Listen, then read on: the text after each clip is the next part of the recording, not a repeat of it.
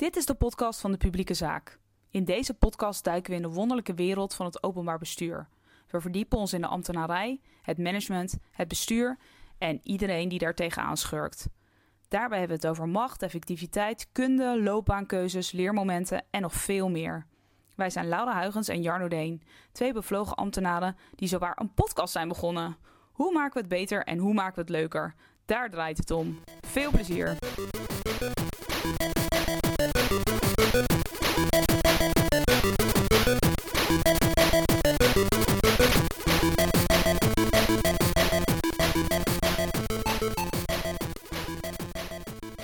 Lieve luisteraars, we zijn terug. Uh, podcast Publiek Werk.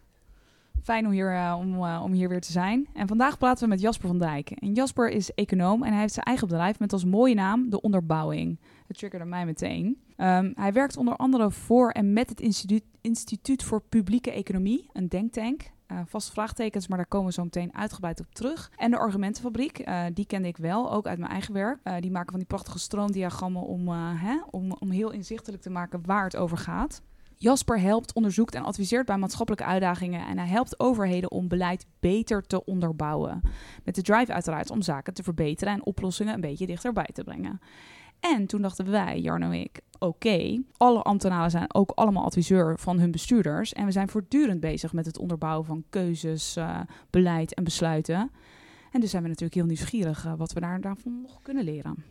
En uh, hoe we dat beter kunnen doen. Dus daar gaan we het vandaag over hebben. Ja. Jasper, welkom in de show. Dankjewel, leuk om er te zijn. Ja, ja echt uh, heel fijn. Hey, uh, om even met de actualiteit te beginnen. Ik zag een, uh, een artikeltje in het NRC vanochtend van jullie. Want ja, als ik nou de vraag stel, gratis kinderopvang, wat kan daar nou mis mee zijn? Dan heb jij er wel een beeld bij, of niet? Dat klopt, dat klopt. Wij hebben inderdaad vandaag, uh, of nou ja, nu dit opnemen, een uh, opinieartikel geschreven in het NRC over het voornemen van het kabinet om een kinderopvang zo goed als gratis te maken voor alle ouders. Ja. Um, het kabinet trekt daar een dikke 2 miljard voor uit. En daarmee wordt kinderopvang voor 96% vergoed voor alle ouders, uh, maar alleen als beide ouders werken. En eigenlijk gaat ons opinieartikel erover, is dat nou de beste manier om die 2,2 miljard te besteden als je dat wil uitgeven aan kinderopvang. Ja.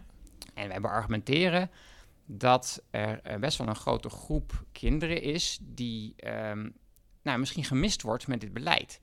Want nou, veel onderzoek laat zien dat kinderen die in een, ja, wat we dan een ontwikkelarme omgeving opgroeien, meer baat hebben bij kinderopvang dan kinderen die in een ontwikkelrijke omgeving opgroeien. Ja. Nou, en helaas is het zo dat vaak ouders die wat minder verdienen, of die, nou, wat we dan noemen een lage sociaal-economische status hebben, dat die vaker uh, kinderen hebben die dan dus in een ontwikkelarme omgeving zitten. Ja.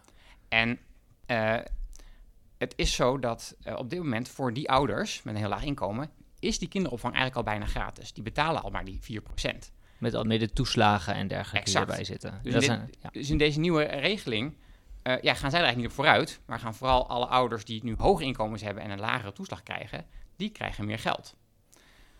Maar ouders die dus, uh, of in ieder geval als één van je ouders niet werkt, dan is er ook in een nieuw stelsel de regel, dan krijg je geen toegang tot die goedkope kinderopvang. En natuurlijk een belangrijk deel van die kinderen die in die ontwikkelarme omgeving zit, die hebben één of twee ouders die niet werken. Ja. En die stimuleer je dus niet. En wij denken, zou je niet een deel van die 2,2 miljard die je nu eigenlijk aan ouders met relatief hoge inkomens geeft, ja. niet beter kunnen besteden om voor de kinderen die de meeste baat bij hebben, om voor hun die kinderopvang eigenlijk gratis te maken. Wordt het ja. dan niet inclusiever? En is, zit er dan ook iets achter dat, uh, dat ze die arbeidsparticipatie willen ver, verhogen, zeg maar? Dat ze minder... Uh... Dat er een ander, nog een uh, ander ja, beleidsdoel bij zit. Ja, ja, precies. Dat je mensen wil stimuleren om te gaan werken. Even los van het feit dat sommige mensen dat helemaal niet... Willen of kunnen. Kunnen of willen. Zeker. En dit plan komt voort uit, de, uit het coalitieakkoord. En uh, oorspronkelijk zou het trouwens in 2025 gebeuren. Het is net twee jaar uitgesteld naar 2027. Dus er is ook tijd om hier nog wat aan te veranderen. Maar dit uh, plan is voor mijn gevoel echt een reactie, misschien wel een overreactie op de toeslagenaffaire. Uh, en dat zien we wel vaker, dat als er iets echt flink misgaat, ja, dan is de overheid bereid om ruim de portemonnee te trekken en vooral niet te selectief te zijn om zo'n fout te corrigeren. En ik denk dat hier ook een beetje gebeurd is. Want je ziet in het coalitieakkoord nou, heel erg duidelijk staan. Ja, we moeten af van al die complexiteit en dit nooit meer. Dus, bam, iedereen betaalt maar 4%. En dan is het helemaal duidelijk en dan ben je van al die problemen af. Dat is, ik, ik snap dat, maar mm -hmm. dat is wel schieten met een kanon. Eh, en ja, wat het doel eigenlijk is, zeg maar, inhoudelijk dat kabinet wil bereiken, ja, dat is eigenlijk helemaal niet duidelijk uit zo'n coalitieakkoord. En nou ja, een doel, wat, en, dat, en dan ga je nadenken, wat zouden dan de doelen kunnen zijn? Dan denk je dat bijvoorbeeld aan arbeidsparticipatie. Dat doordat je kinderopvang goedkoper maakt, dat meer mensen gaan werken. En dat is iets wat je natuurlijk wenselijk kan vinden als kabinet. Maar waar heeft het kabinet voor gekozen? Een deel van die 2,2 miljard gaan ze eh, ophalen of binnenhalen door de zogenaamde IACK, de inkomensafhankelijke combinatiekorting, Juist. af te schaffen. En dit was een regeling die als jij, ja, het is een hele complexe regeling hoor, maar als jij eh, een partner hebt die meer werkt dan jij en je hebt tenminste één kind dat bij jou thuis woont dat jonger is dan 12, dan krijg je een soort belastingkorting en dan hoef jij wat minder belasting te betalen over het inkomen dat je hebt tussen de 5 en de 25.000.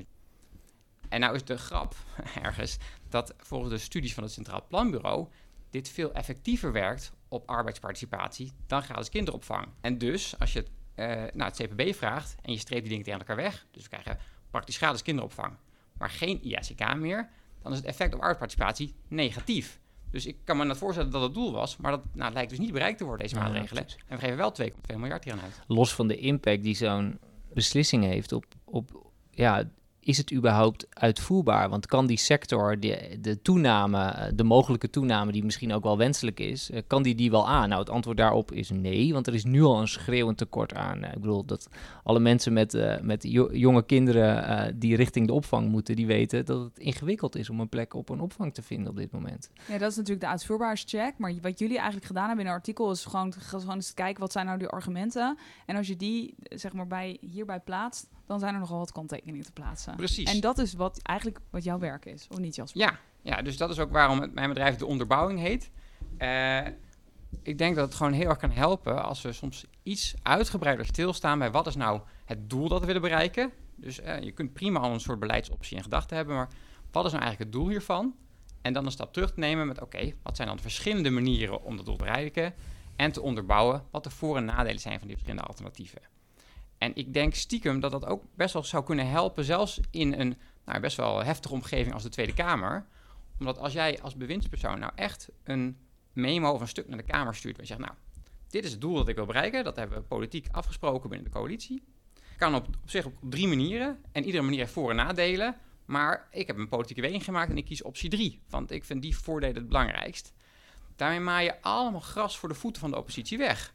Want die kunnen zeggen, ja, maar de, hè, de, de klassieke opmerking, ja, maar de minister heeft helemaal over het hoofd gezien dat X of dat, dat deze groep wat doet. Ja. Dan kun je zeggen, nee, daar heb ik over nagedacht, heb ik meegewogen en we zijn gewoon tot dit oordeel gekomen. Dus Ja. ik denk dat het ook politiek best wel kan helpen, maar ja, het is wel spannend en anders als we het nu doen. Het is wel grappig dat je dat zegt, omdat ik ben als ambtenaar bij een lokale overheid ook wel een beetje geschoold om juist in scenario's te presenteren. Hè? Als je een dijkversterking maakt, maak je altijd een, een groene variant nou ja, en een eh, wat stenen variant, ik zeg maar even wat. Eh, en, en met voor- en nadelen, om het bestuur ook de kans te geven om een weging te maken van ja, wat vind ik nou uiteindelijk belangrijk? Terwijl volgens mij bij de Tweede Kamer het toch vaak is, ja, dit is het. Mhm. Eh, dit is eigenlijk het voorstel en je bent voor of tegen. Ik, dus ik ben het helemaal met je eens dat ik denk dat die politieke besluitvorming, door meer met scenario's te werken, dat, dat, dat je ook het debat in die zin eh, beter stuurt in naar wat vinden we nou echt belangrijk. Ja, ja want Maar wij, We- dus- heel Nederland werkt natuurlijk ook wel steeds, is, tenminste ik denk dat dat steeds bekender is, het BOP-model. Ja. Je begint met beeldvorming, dan ga je opinie vormen en uiteindelijk neem je een besluit.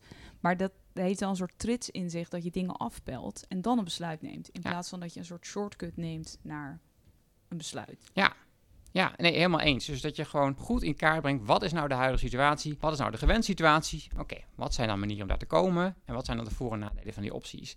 En ik denk dat we daar veel meer mee zouden, zouden kunnen doen. Want inderdaad, wat jij zegt, voor mij is ook een gemeenteraad ook heel erg blij als ze iets te kiezen krijgen. In Ja. plaats van, ja, dit is het. En eh, dat dan vaak nadelen dan een beetje eufemistisch worden weggeschreven als kanttekeningen of risico. Ja.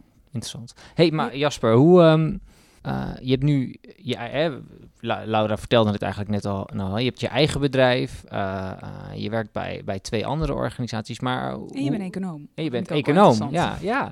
Dat zijn altijd een beetje enge mensen, vind ik. nee, geintje. Nou, nou, laat ik zo zeggen. Het is wel vaak een specifieke inhoudelijke kennis... die, die volgens mij wel gewaardeerd wordt... maar waar ook wel wat vooroordelen over zijn. Ja, ja. Maar hoe, hoe ben jij begonnen? Wat heb je, wat heb je gestudeerd?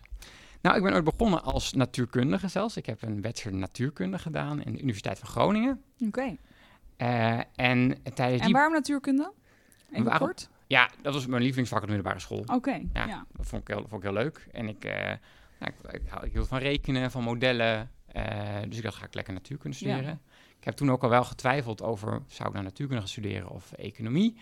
En mijn vader die is econoom en die zei tegen mij, nou Jasper, je kan altijd nog economie gaan doen.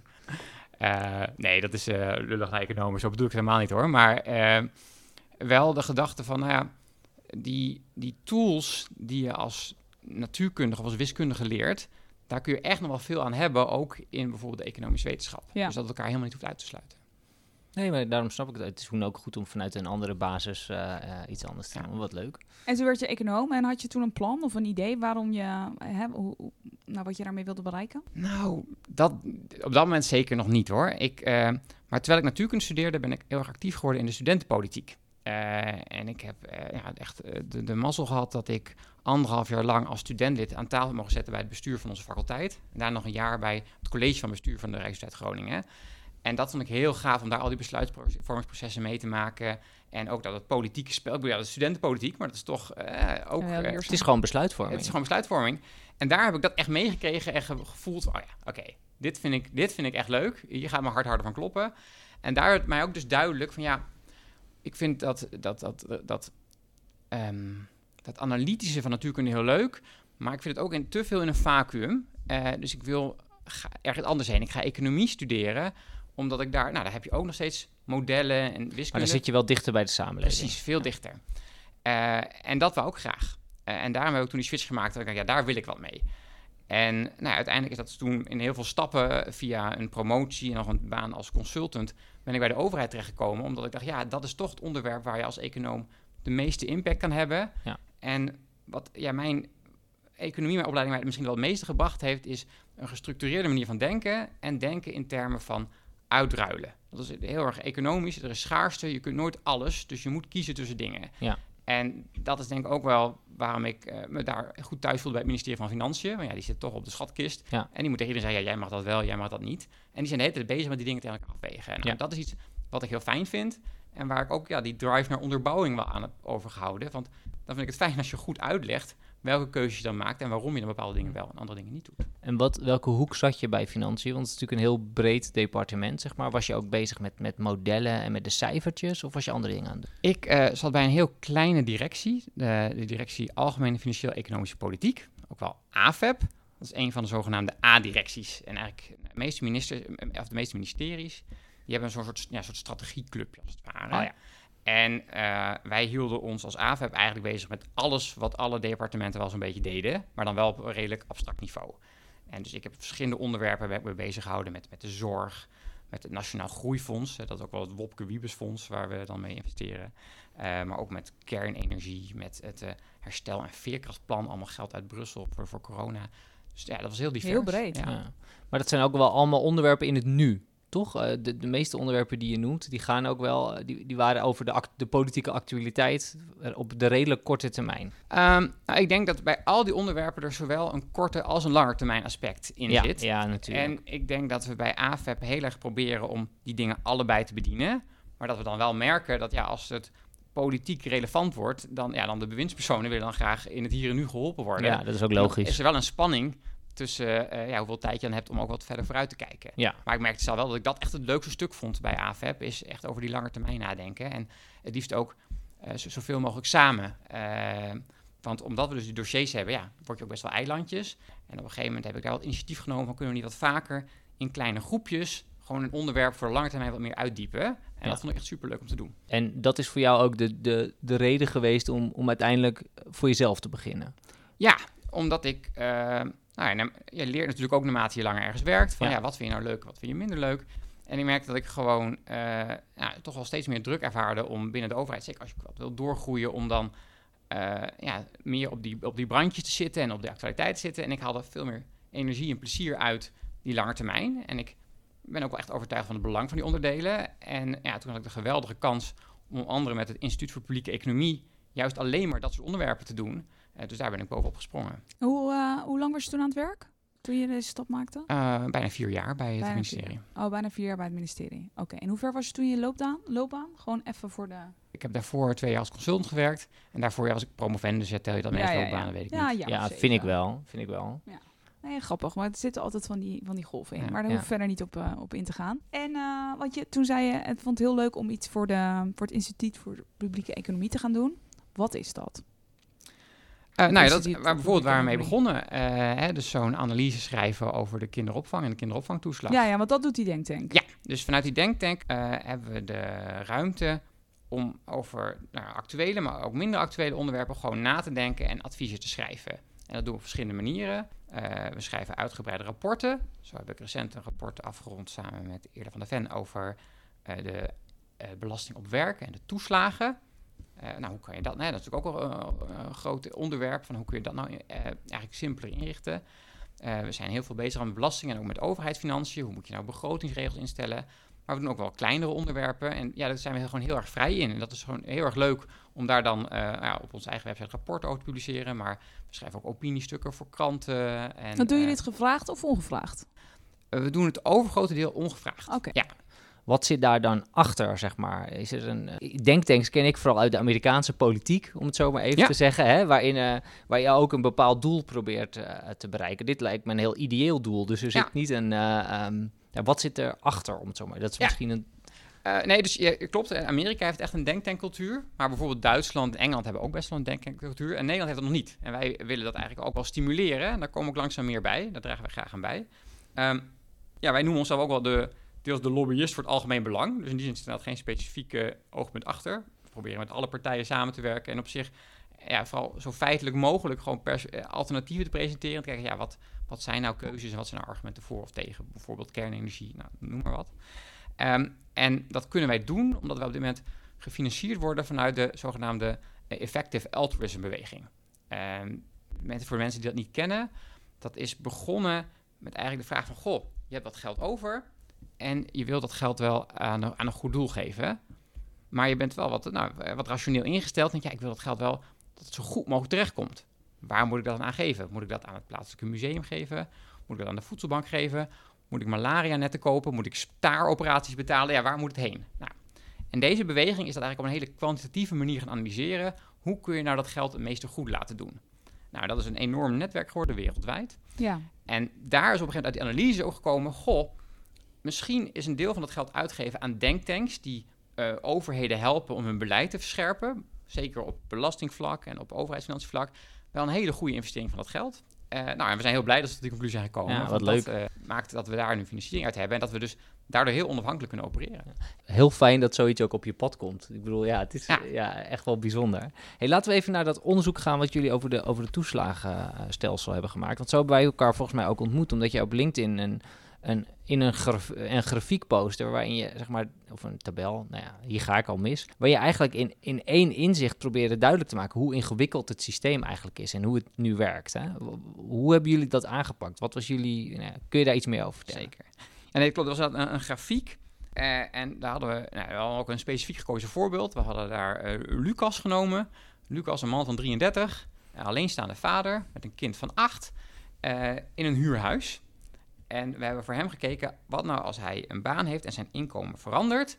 Wat betekent dat voor al die regelingen waar hij aanspraak bij heeft? Dus hoe gaat zijn huurtoeslag naar beneden? Hoe gaat zijn algemene heffingskorting omhoog? Nou, en dan zie je al die lijntjes lopen, super complex. Ja. Ehm, en eigenlijk was dat ook wel een beetje het startpunt voor ons onderzoek. Eh, dat wij zelf gewoon eh, ons aan het verdiepen waren in hoe werkt nou onze belastingstelsel op inkomen. En onze eerste stap was laten we voor onszelf nou eens helder krijgen hoe dat werkt. Ja. Ja, en toen kwamen we er al achter stap voor stap hoe ingewikkeld dat was. En werden we er steeds meer van overtuigd van ja, hier moeten gewoon stappen gezet worden om dit, om dit te versimpelen. En natuurlijk een andere aanleiding was de toeslagenaffaire. Duidelijk. Je zag natuurlijk dat er allemaal dingen misgingen. Dus we dachten, ja, dat is wel een goed onderwerp om aan bij te dragen. Ehm, en we zagen ook, ja, er zijn al heel veel rapporten. En toch lukt het maar niet om stappen te zetten. Het huidige kabinet heeft aangekondigd in het coalitieakkoord. Wij gaan alle toeslagen afschaffen. En toch zie je de twee vlakken waarop ze dit nu proberen. De huurtoeslag en de kinderopvangtoeslag. Zie je twee keer ja, dat er best wel veel zand in de machine komt. En dat er nog niet echt voortgang komt. Ja. Dus wij dachten, ja, dit is nou juist een heel belangrijk, maar misschien niet, laten we zeggen, sexy onderwerp. En waar je juist het denktank aan kan bijdragen en het Mhm. denken verder kan brengen. Ja. Ja, wat, wat, wat hebben jullie dan pro- jullie hebben geprobeerd om inzichtelijk te maken hoe ingewikkeld het is? Dus gewoon aan de hand van één case, gewoon ge- geschetst van, nou, zo loopt een gemiddeld iemand er tegenaan. Dus dan krijg je eigenlijk inzicht in de weeds, zeg maar. Hoe ontzettend met elkaar het samenhangt. Maar de weeds is, weet je wel, dat als je ergens aan trekt, dat, dat het dan zoveel vast zit, dat je eigenlijk, waar moet je dan beginnen? Want Ja. als je dit aanpakt, dan moet je dat ook aanpakken en dan moet je dat ook aanpakken. En dat is natuurlijk met heel veel van die toeslagen, Ja. toestanden heel erg aan de hand. Ja, dus dat is precies wat wij gedaan hebben. We hebben dus eigenlijk een soort heel theoretisch hoofdstuk en dan is dit voorbeeld helemaal uitgewerkt. En dan gaan we denken in oplossingen. Welke stukjes complexiteit zou je nou kunnen wegstrepen? Oh ja. En zo hebben we eigenlijk geprobeerd het ja, in stukjes op te delen om uiteindelijk tot een voorstel te komen van hoe zou dan een eenvoudiger voorstel eruit of een eenvoudiger stelsel eruit zien. Ehm, maar wel een eenvoudiger stelsel dat nog redelijk lijkt op de belasting en de herverdeling die we nu doen.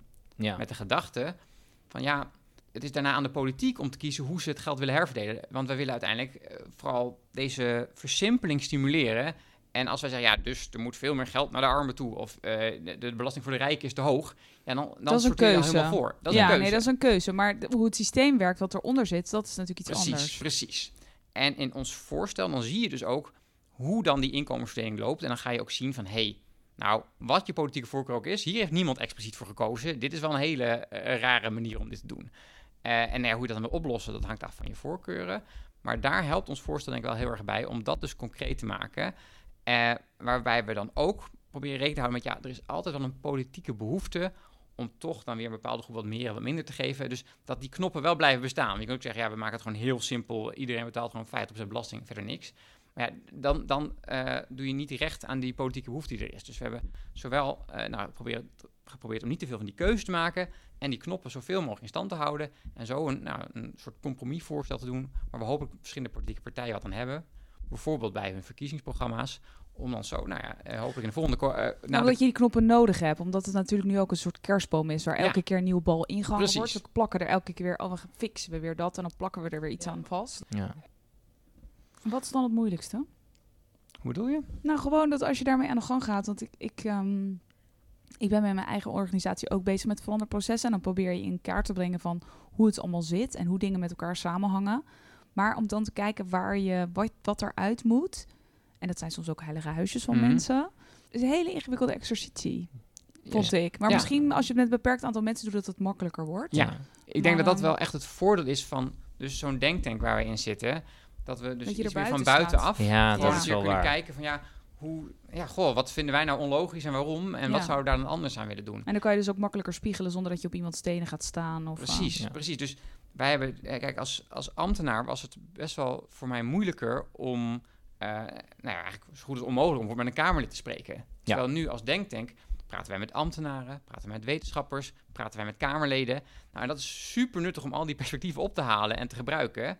En daarnaast hebben wij dan de ruimte om ja, gewoon een, een voorstel te doen wat, nou ja, als je kritisch bent, niet, niet af is. En dat hoeft ook niet, want het is gewoon een, een denkstap die weer verder gaat helpen. Terwijl als, ja, als ministerie zou je hiermee niet naar buiten komen. Dan wil je alle mogelijke beleidsopties hebben en wil je het helemaal een afgerond geheel hebben. En wij kunnen dit juist weer gebruiken als discussiestuk. Dus al die vrijheden, ja, die helpen ons enorm als denktank. ja. En zou, zou je dat als overheid ook eigenlijk niet zelf moeten willen organiseren op de een of andere manier? Of is dat ook gewoon misschien niet mogelijk? En heb je dus zoiets als een denktank nodig? Dus ik denk dat het in de huidige situatie lastig is. Maar Ja. ik denk dat er zeker het nastrevenswaardig is om te kijken hoe je dit ook meer als overheid kan. Ja. Ja. Eh, hè, je hebt verschillende aspecten. Bijvoorbeeld, ja, hoeveel tijd en ruimte heb je nou om eigenlijk een beetje los van de waan van de dag over de lange termijn na te denken? Hoeveel ruimte krijg je daarvoor? Ik denk dat daar nog wel stappen te zetten zijn. Maar ook ja, die, hè, de, de, de Oekase kok, die officieel is afgeschaft. dat eh, ambtenaren niet met journalisten of met politici mogen praten, behalve als hun minister daar expliciet toestemming voor gegeven heeft.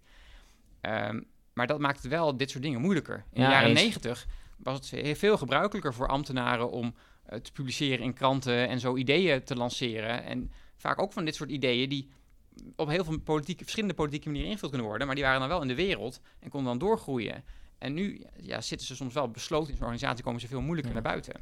En eh, zo'n, he- heb jij goede voorbeelden van strategieclubs binnen de overheid die daar op een goede manier mee bezig zijn. Want ik denk dat het ook wel heel herkenbaar is. Maar is het alleen strategie of is het ook gewoon beleidsvorming? En het zit op heel veel plekken in de Ja, dat heb je wel, gel- daar heb je wel gelijk in. Je hebt je wel gelijk in. Het is, in, het, zit- het is niet alleen strategie. Nee, maar strategie kan toch? Strategie in is een... lange termijn inderdaad. Ja, het, maar het kan in het een natuurlijk voor aparte... beleidstukken ook soms. ehm, Ja, klopt. Het kan in een aparte club zitten. Of het kan gewoon onderdeel van je beleid zijn wat, wat, wat verder kijkt. Ja, nee, daar heb je Maar helemaal ik vind het leuk, in. die discussie die jullie nu hebben, is dat... eh, ja, strategie is ook wel een ongrijpbare term. Hè? Mm, je hebt allemaal mensen die het woord strateeg in hun functieomschrijving hebben... en die misschien helemaal niet zo strategisch werk doen. En andersom mensen die gewoon beleidsadviseur heten... maar super strategisch bezig zijn.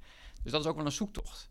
Eh, maar voor mij is het in ieder geval waardevol... dat je als organisatie in stand bent om hè, een goede analyse te maken... heldere doelen te stellen... dan eh, daarvan goede plannen kan maken op basis daarvan... en ook die plannen weet te realiseren. Nou, ja, en ergens is dat gewoon strategie dat je die stappen kan doorlopen.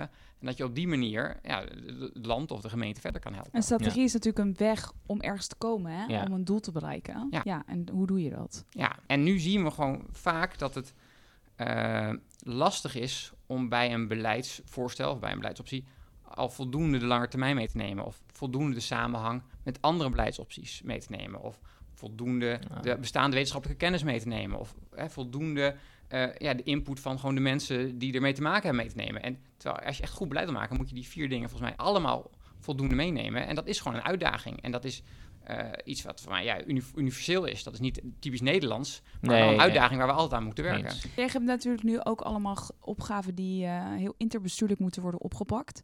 En waar veel ehm, besluiten misschien wel door de individuele overheden aan zich moeten worden genomen, maar waar heel veel ehm, denkstappen ook gemaakt worden aan, aan grote tafels, waar verschillende beleidslagen bij elkaar zitten en verschillende bestuurslagen bij elkaar komen. En dat is dat ik, want ik, dan denk ik dat de onderbouwing enerzijds heel belangrijk is en kan helpen, maar dat het ook heel belangrijk is om, zich, om ons echt te blijven verdiepen in, goh, weet je, waar ben jij als andere overheid of als ander departement of hè, als, eh, als andere club, want het kan ook een belanghebbende Ja. zijn of een burger. Waar zijn die eigenlijk mee bezig? Ja. Want die kunnen ook heel erg uiteindelijk invloed gaan hebben Ja. of jouw onderbouwing blijft staan of niet en of het relevant is op dat moment. Absoluut, absoluut. Dus ik geloof ook heel erg in de waarde van het investeren in relaties. Ook met, nou ja, het- bijvoorbeeld toen ik bij financiën werkte, was ik met de zorg bezig. Om dan te investeren in relatie met mensen aan de andere kant die bij VWS werken. Ja, Want best wel een risico van de manier waarop we in ieder geval als Rijksoverheid en departement georganiseerd zijn, is dat iedereen toch echt zijn eigen departementsbelang heeft. En dus best wel strategisch, tactisch omgaat met überhaupt de informatie die er deelt, de manier waarop gecommuniceerd wordt. Dat als er een Kamerbrief is, dat iedereen gewoon gaat zitten strepen en toevoegen op basis van wat hij of zij denkt dat zijn wethouder of zijn minister Ja. eh, graag erin wil hebben. En dat er daardoor best wel weinig ruimte en tijd overblijft voor het inhoudelijke gesprek. Van wat vinden wij samen nou goed beleid? ja om dat te En- verrijken. Ja, en dan als je dan echt investeert in die persoonlijke relatie, dat helpt. Omdat je dan in plaats van dat je dus mails met allemaal track changes, dat je gewoon even gaat afspreken. Goh, we zijn allebei bezig met dit onderwerp. Eh, ja, hoe denk je hier nou over? En wat zou nou een manier zijn om dat te kunnen, kunnen verbeteren? En het is ook meer lange termijn, hè? In plaats van nu, in Ja. dit moment iets maken Ja, waar je dan misschien over twee jaar Ja. weer last van hebt. en, en dit is denk ik inhoudelijk goed, maar het scheelt ook tijd. Ja. Want voor mijn gevoel gaat ook best wel veel dus tijd van heel veel ambtenaren zitten in, nou ja, elkaar bestrijden is te hard, maar wel de, de- op letters de discussie hebben om uiteindelijk soms best wel hele lange en vaak toch ook wel moeilijk leesbare kamerbrieven te schrijven. ja. Waar ik denk, ja, wie is daar nou helemaal mee geholpen? Ja, en Ja. dingen ook bij elkaar te brengen. Zodat het niet het ene... Nou ja, weet je, als er iemand wint, verliest er ook dat iemand, Ja. denk ik Ja, altijd. weet je, en, en kijk, de Rijksoverheid is natuurlijk zo groot dat je een ministerie per onderwerp hebt, waarin dan nog weer allerlei deelonderwerpen zitten. Maar bij een gemeente of bij een andere overheidsorganisatie zijn dat natuurlijk ook de verschillende afdelingen. En daar gebeurt eigenlijk ook het, vaak hetzelfde. Hè? Dat integrale beeld, dat Zeker, dat willen is, we eh, allemaal, dat snappen we allemaal. Maar het is wel heel, Bij de overheid, bij Rijksoverheid is het groter, maar het gebeurt bij gemeenten en Dezelfde eh, dynamiek. ja. provincies precies hetzelfde. Mm, nou, we hadden, ik werk voor een waterschap en we hadden van de week Hans Vollaert, dat is hoofddocent politicologie bij de Universiteit Utrecht, op bezoek om ons ook een spiegel voor te houden als waterschap van, eh, ja, jullie zijn dan wel gekozen, algemeen bestuur, maar eh, hè, en jullie moeten die weging maken. Maar denk even aan de opkomst dat jullie zeg maar daar zitten. Ja, jullie zijn de democratie door democratisch verkozen. Maar de vraag is of jullie echt weten wat, eh, wat er nodig is. En, eh, en, en toen kwam de vraag ook van... kunnen wij dan stukken krijgen... waarin die maatschappelijke beweging makkelijker kunnen maken... en ook die mensen worden meegenomen die... eh, nou ja, die, die misschien niet hebben gestemd. Ja. en, dat, en toen dacht ik, oh, het, is nog, het is nog niet zo makkelijk. Want aan de andere kant vragen ze ook om beknopte stukken, scherpe stukken. Eh, en, eh, en, en de juiste excursies om de feeling te houden. Dus het is soms ook echt heel erg zoeken van wat is nou, hè, als we het terugbrengen naar onderbouwing. Hoe maak je het dan mooi compact? Zodat ze, en dat is natuurlijk de Ja. uitdaging waar jij elke dag mee bezig bent, of niet? Maar volgens mij is gewoon een goeie, goed ambtelijk adviseren is ook topsport. Als Ja, je dat, dat echt goed wil doen, zo. dan is dat Ja. niet, echt niet makkelijk. Ja, daarom is het ook leuk. Want ja, want ik ben het wel met je eens. Uiteindelijk moet het wel beknopt zijn. Want anders Ja. dan heb je, Heb je, gaat het ook niet? heeft iemand die besluit neemt er ook niks aan. Dus Nee. dat, eh, ja, die combinatie, dat is gewoon de uitdaging iedere dag. Ja, en we Ja. hebben natuurlijk de format, hoe je je stuk ook schrijft. Het is vaak een format wat bedacht is om het hè, zo optimaal mogelijk te doen. Zeker. Nee, en ik vind, het, ik vind het zelfs ook wel heel mooi. En er is nou recent weer een nieuw, eigenlijk soort nieuwe richtlijn uitgekomen. Die heet het beleidskompas. Ja, Dat is de wil- opvolger van het integraal afwegingskader. Ja, En dat moet ambtenaren helpen om eigenlijk precies dit te doen. Om je- een goed beeld te schetsen van de huidige situatie, van de gewenste situatie, wat zijn opties, et cetera. Ook bij andere overheidslagen zou, zou zoiets op een of andere manier wel zijn. Want dat, dat beleidskompas gaat eigenlijk over hoe maak je goed beleid. En dat is aan de voorkant de juiste mensen betrekken. Hè, het is gewoon eh, eigenlijk de beleidscyclus op een goede manier doorlopen. Het is helemaal Ik niet... denk dat er heel veel andere overheden ook wel van die stappenplannen of Daarom. ze hebben het Ja. uitgeschreven in processen. Maar de, de, de vraag is, want er is nu een rebranding van eh, het integraal afwegingskader geweest, maar dat werd ook niet altijd in de praktijk gebruikt. Een beleidsambtenaar moet dit eigenlijk willen en eh, daarop afgerekend worden als hij dat niet doet. Dus de, de, de noodzaak tot beter beleid zou bij de beleidsambtenaren ook uiteindelijk moeten leven. Maar die, en die, heb, die hebben dat volgens mij ook. Ik probeer hier niet beleidsambtenaren af te fikken of zo. Maar die worden wel en de vaak managers? eh, eh, die worden vaak wordt? afgerekend op. beleid moet vaak in een hele korte tijd gemaakt worden. En dus kan het helemaal niet in dat. eh, eh, en dan ga je dus snel routinematig bepaalde stappen Ja. eh, overslaan. Of jezelf de kans geven om ook even na te denken. Dat is, dat is ambtelijk vakmanschap voor mij ook. Is dat je ook echt even doorgrondt. Waarom doen we dit eigenlijk? Want dan lever je een goed advies af. Dat is wel- volgens mij heel tof als we onszelf dat meer gunnen. Wat ik wel een leuk voorbeeld vind, is ik ben ook betrokken geweest bij het Nationaal Groeifonds. Ook, eh, dus dat is ook wel het, Wopke Wiebesfonds. En dat is een, eh, grote pot geld van de overheid, waar verschillende partijen geld op kunnen aanvragen. Zowel ministeries kunnen dat zelf, als ook eh, nou, maatschappelijke organisaties of samenwerkingen. Om nou ja, van alles te doen. En dan heb je het over eh, het versterken van het primair onderwijs tot nanotechnologie of het AI. Kan van alles zijn. Maar wat ik heel gaaf vind, is dat een doel van het groeifonds is eh, het structureel versterken van de Nederlandse economie. Nou, daar kun je van alles van vinden. Is dat niet te smal? Is dat, moet het niet breder? Maar om dat dan te toetsen, want er is dan een soort commissie van wijzen, die gaat dan al die voorstellen bekijken van, nou ja, wie mag dan dat geld hebben en wie niet. En een van de belangrijke onderdelen in ieder voorstel moet de zogenaamde theory of change zitten. En dat is eigenlijk gewoon die beleidstheorie die uitlegt, money goes in en uiteindelijk komt dan die economische groei eruit. En wat zijn dan die tussenstappen? En zo streng als we daarop zitten, ja, dat zou ik ergens denken, dat zouden we met al ons beleid moeten doen. Als Ook wij, voor onszelf. Ook voor Ja. onszelf. Van ja, eh, en dan hoeft het niet het uitkomst economische goed te zijn, maar wel, ja, we willen een bepaald doel bereiken. Oké, en dit zijn de dingen die erin stoppen. Laat maar zien, hoe komen we daar? En eh, haast zou ik zeggen, ja, zo, dat moet daar dan hele mooie stroomschema's. Maak dat maar bij ieder wetsvoorstel en leg dat- maar voor in de Kamer. Dan kan de Kamer heel sec zien, oké, slaat dit ergens op of niet? Maar, maar ander- andersom is dat ook wel heel erg systeemwereldgedachte. Hè? Omdat ik, ik heb ook wel, ik gebruik heel vaak eh, het voorbeeld van spaghetti koken. Hè, dat kun je, je kunt spaghetti koken, kun je acht minuten over doen. En dan weet je dat het klaar is, staat op de verpakking. Hè? En dit voelt een beetje al, als dat. Hè? Eh, maar je kunt ook tussentijds proeven of het lekker is. Eh, maar ook een manier om te kijken of spaghetti gaar is, is om tegen de muur aan te gooien. Of blijft plakken. En als het blijft plakken, dan is het goed. Soms wil je ook gewoon iets proberen. En wil je, heb je wel een doel, doelbereik in ogen. Hè? Maar ik heb, ik heb wel eens soms gedacht, ja, ik weet niet zeker of dit werkt, maar dan gebeurt er in ieder geval iets. Eh, en dat is natuurlijk niet misschien de juiste manier.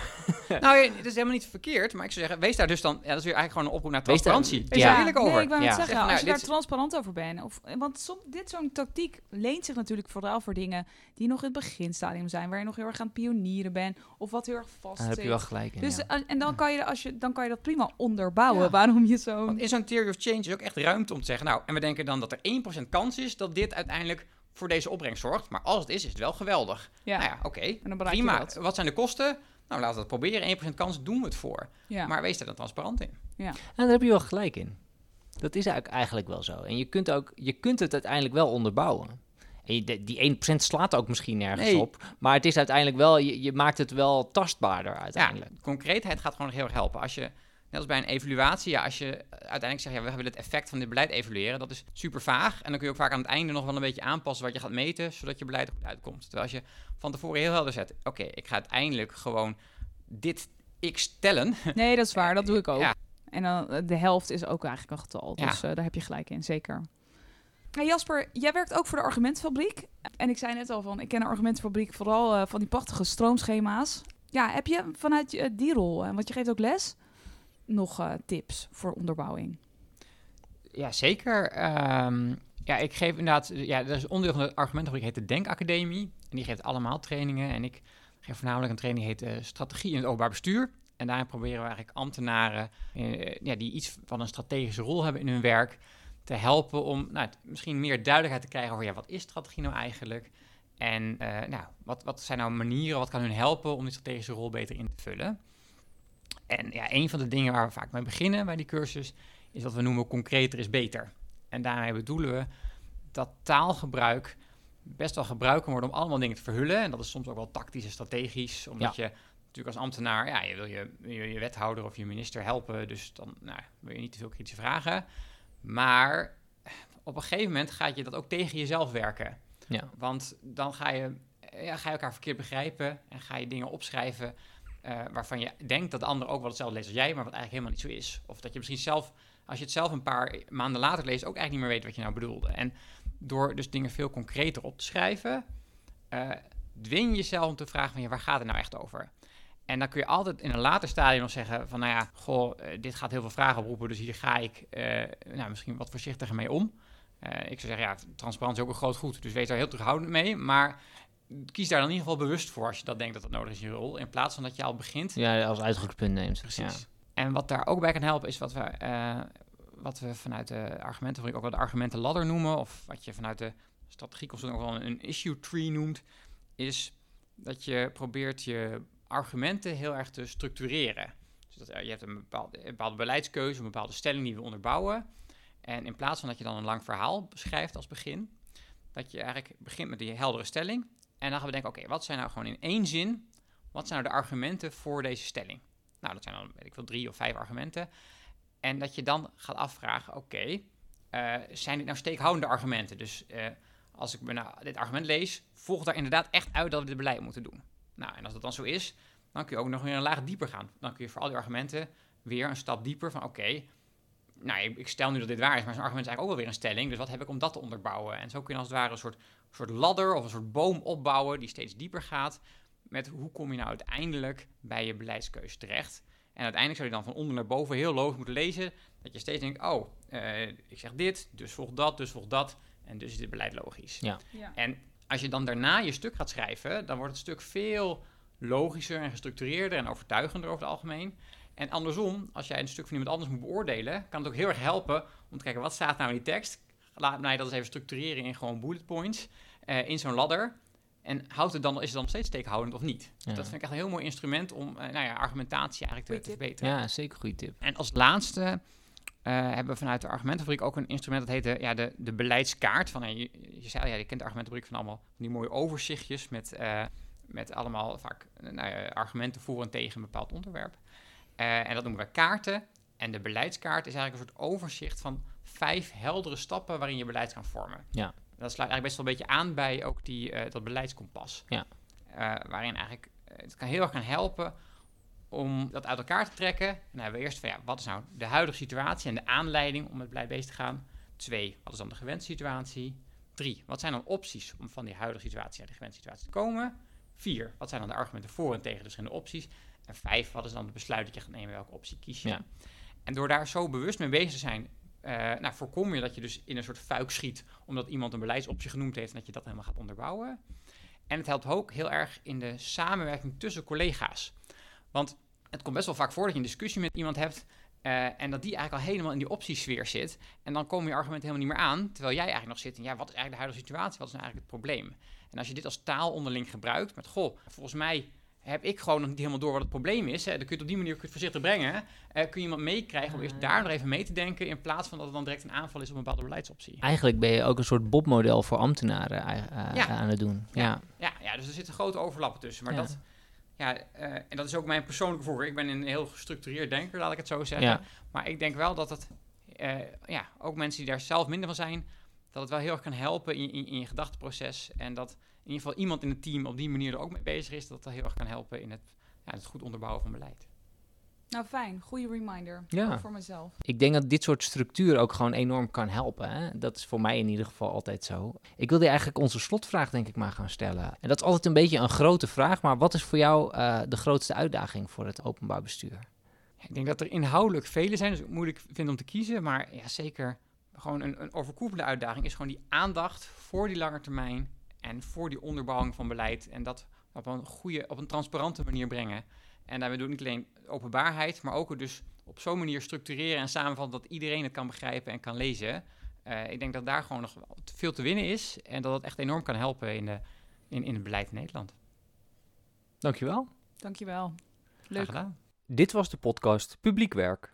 De muziek is van Bart de Jong en ons artwork is door Yvonne Schuurmans van Summen Ontwerp. Vond je dit nou leuk? Laat vooral een recensie achter via je podcast-app.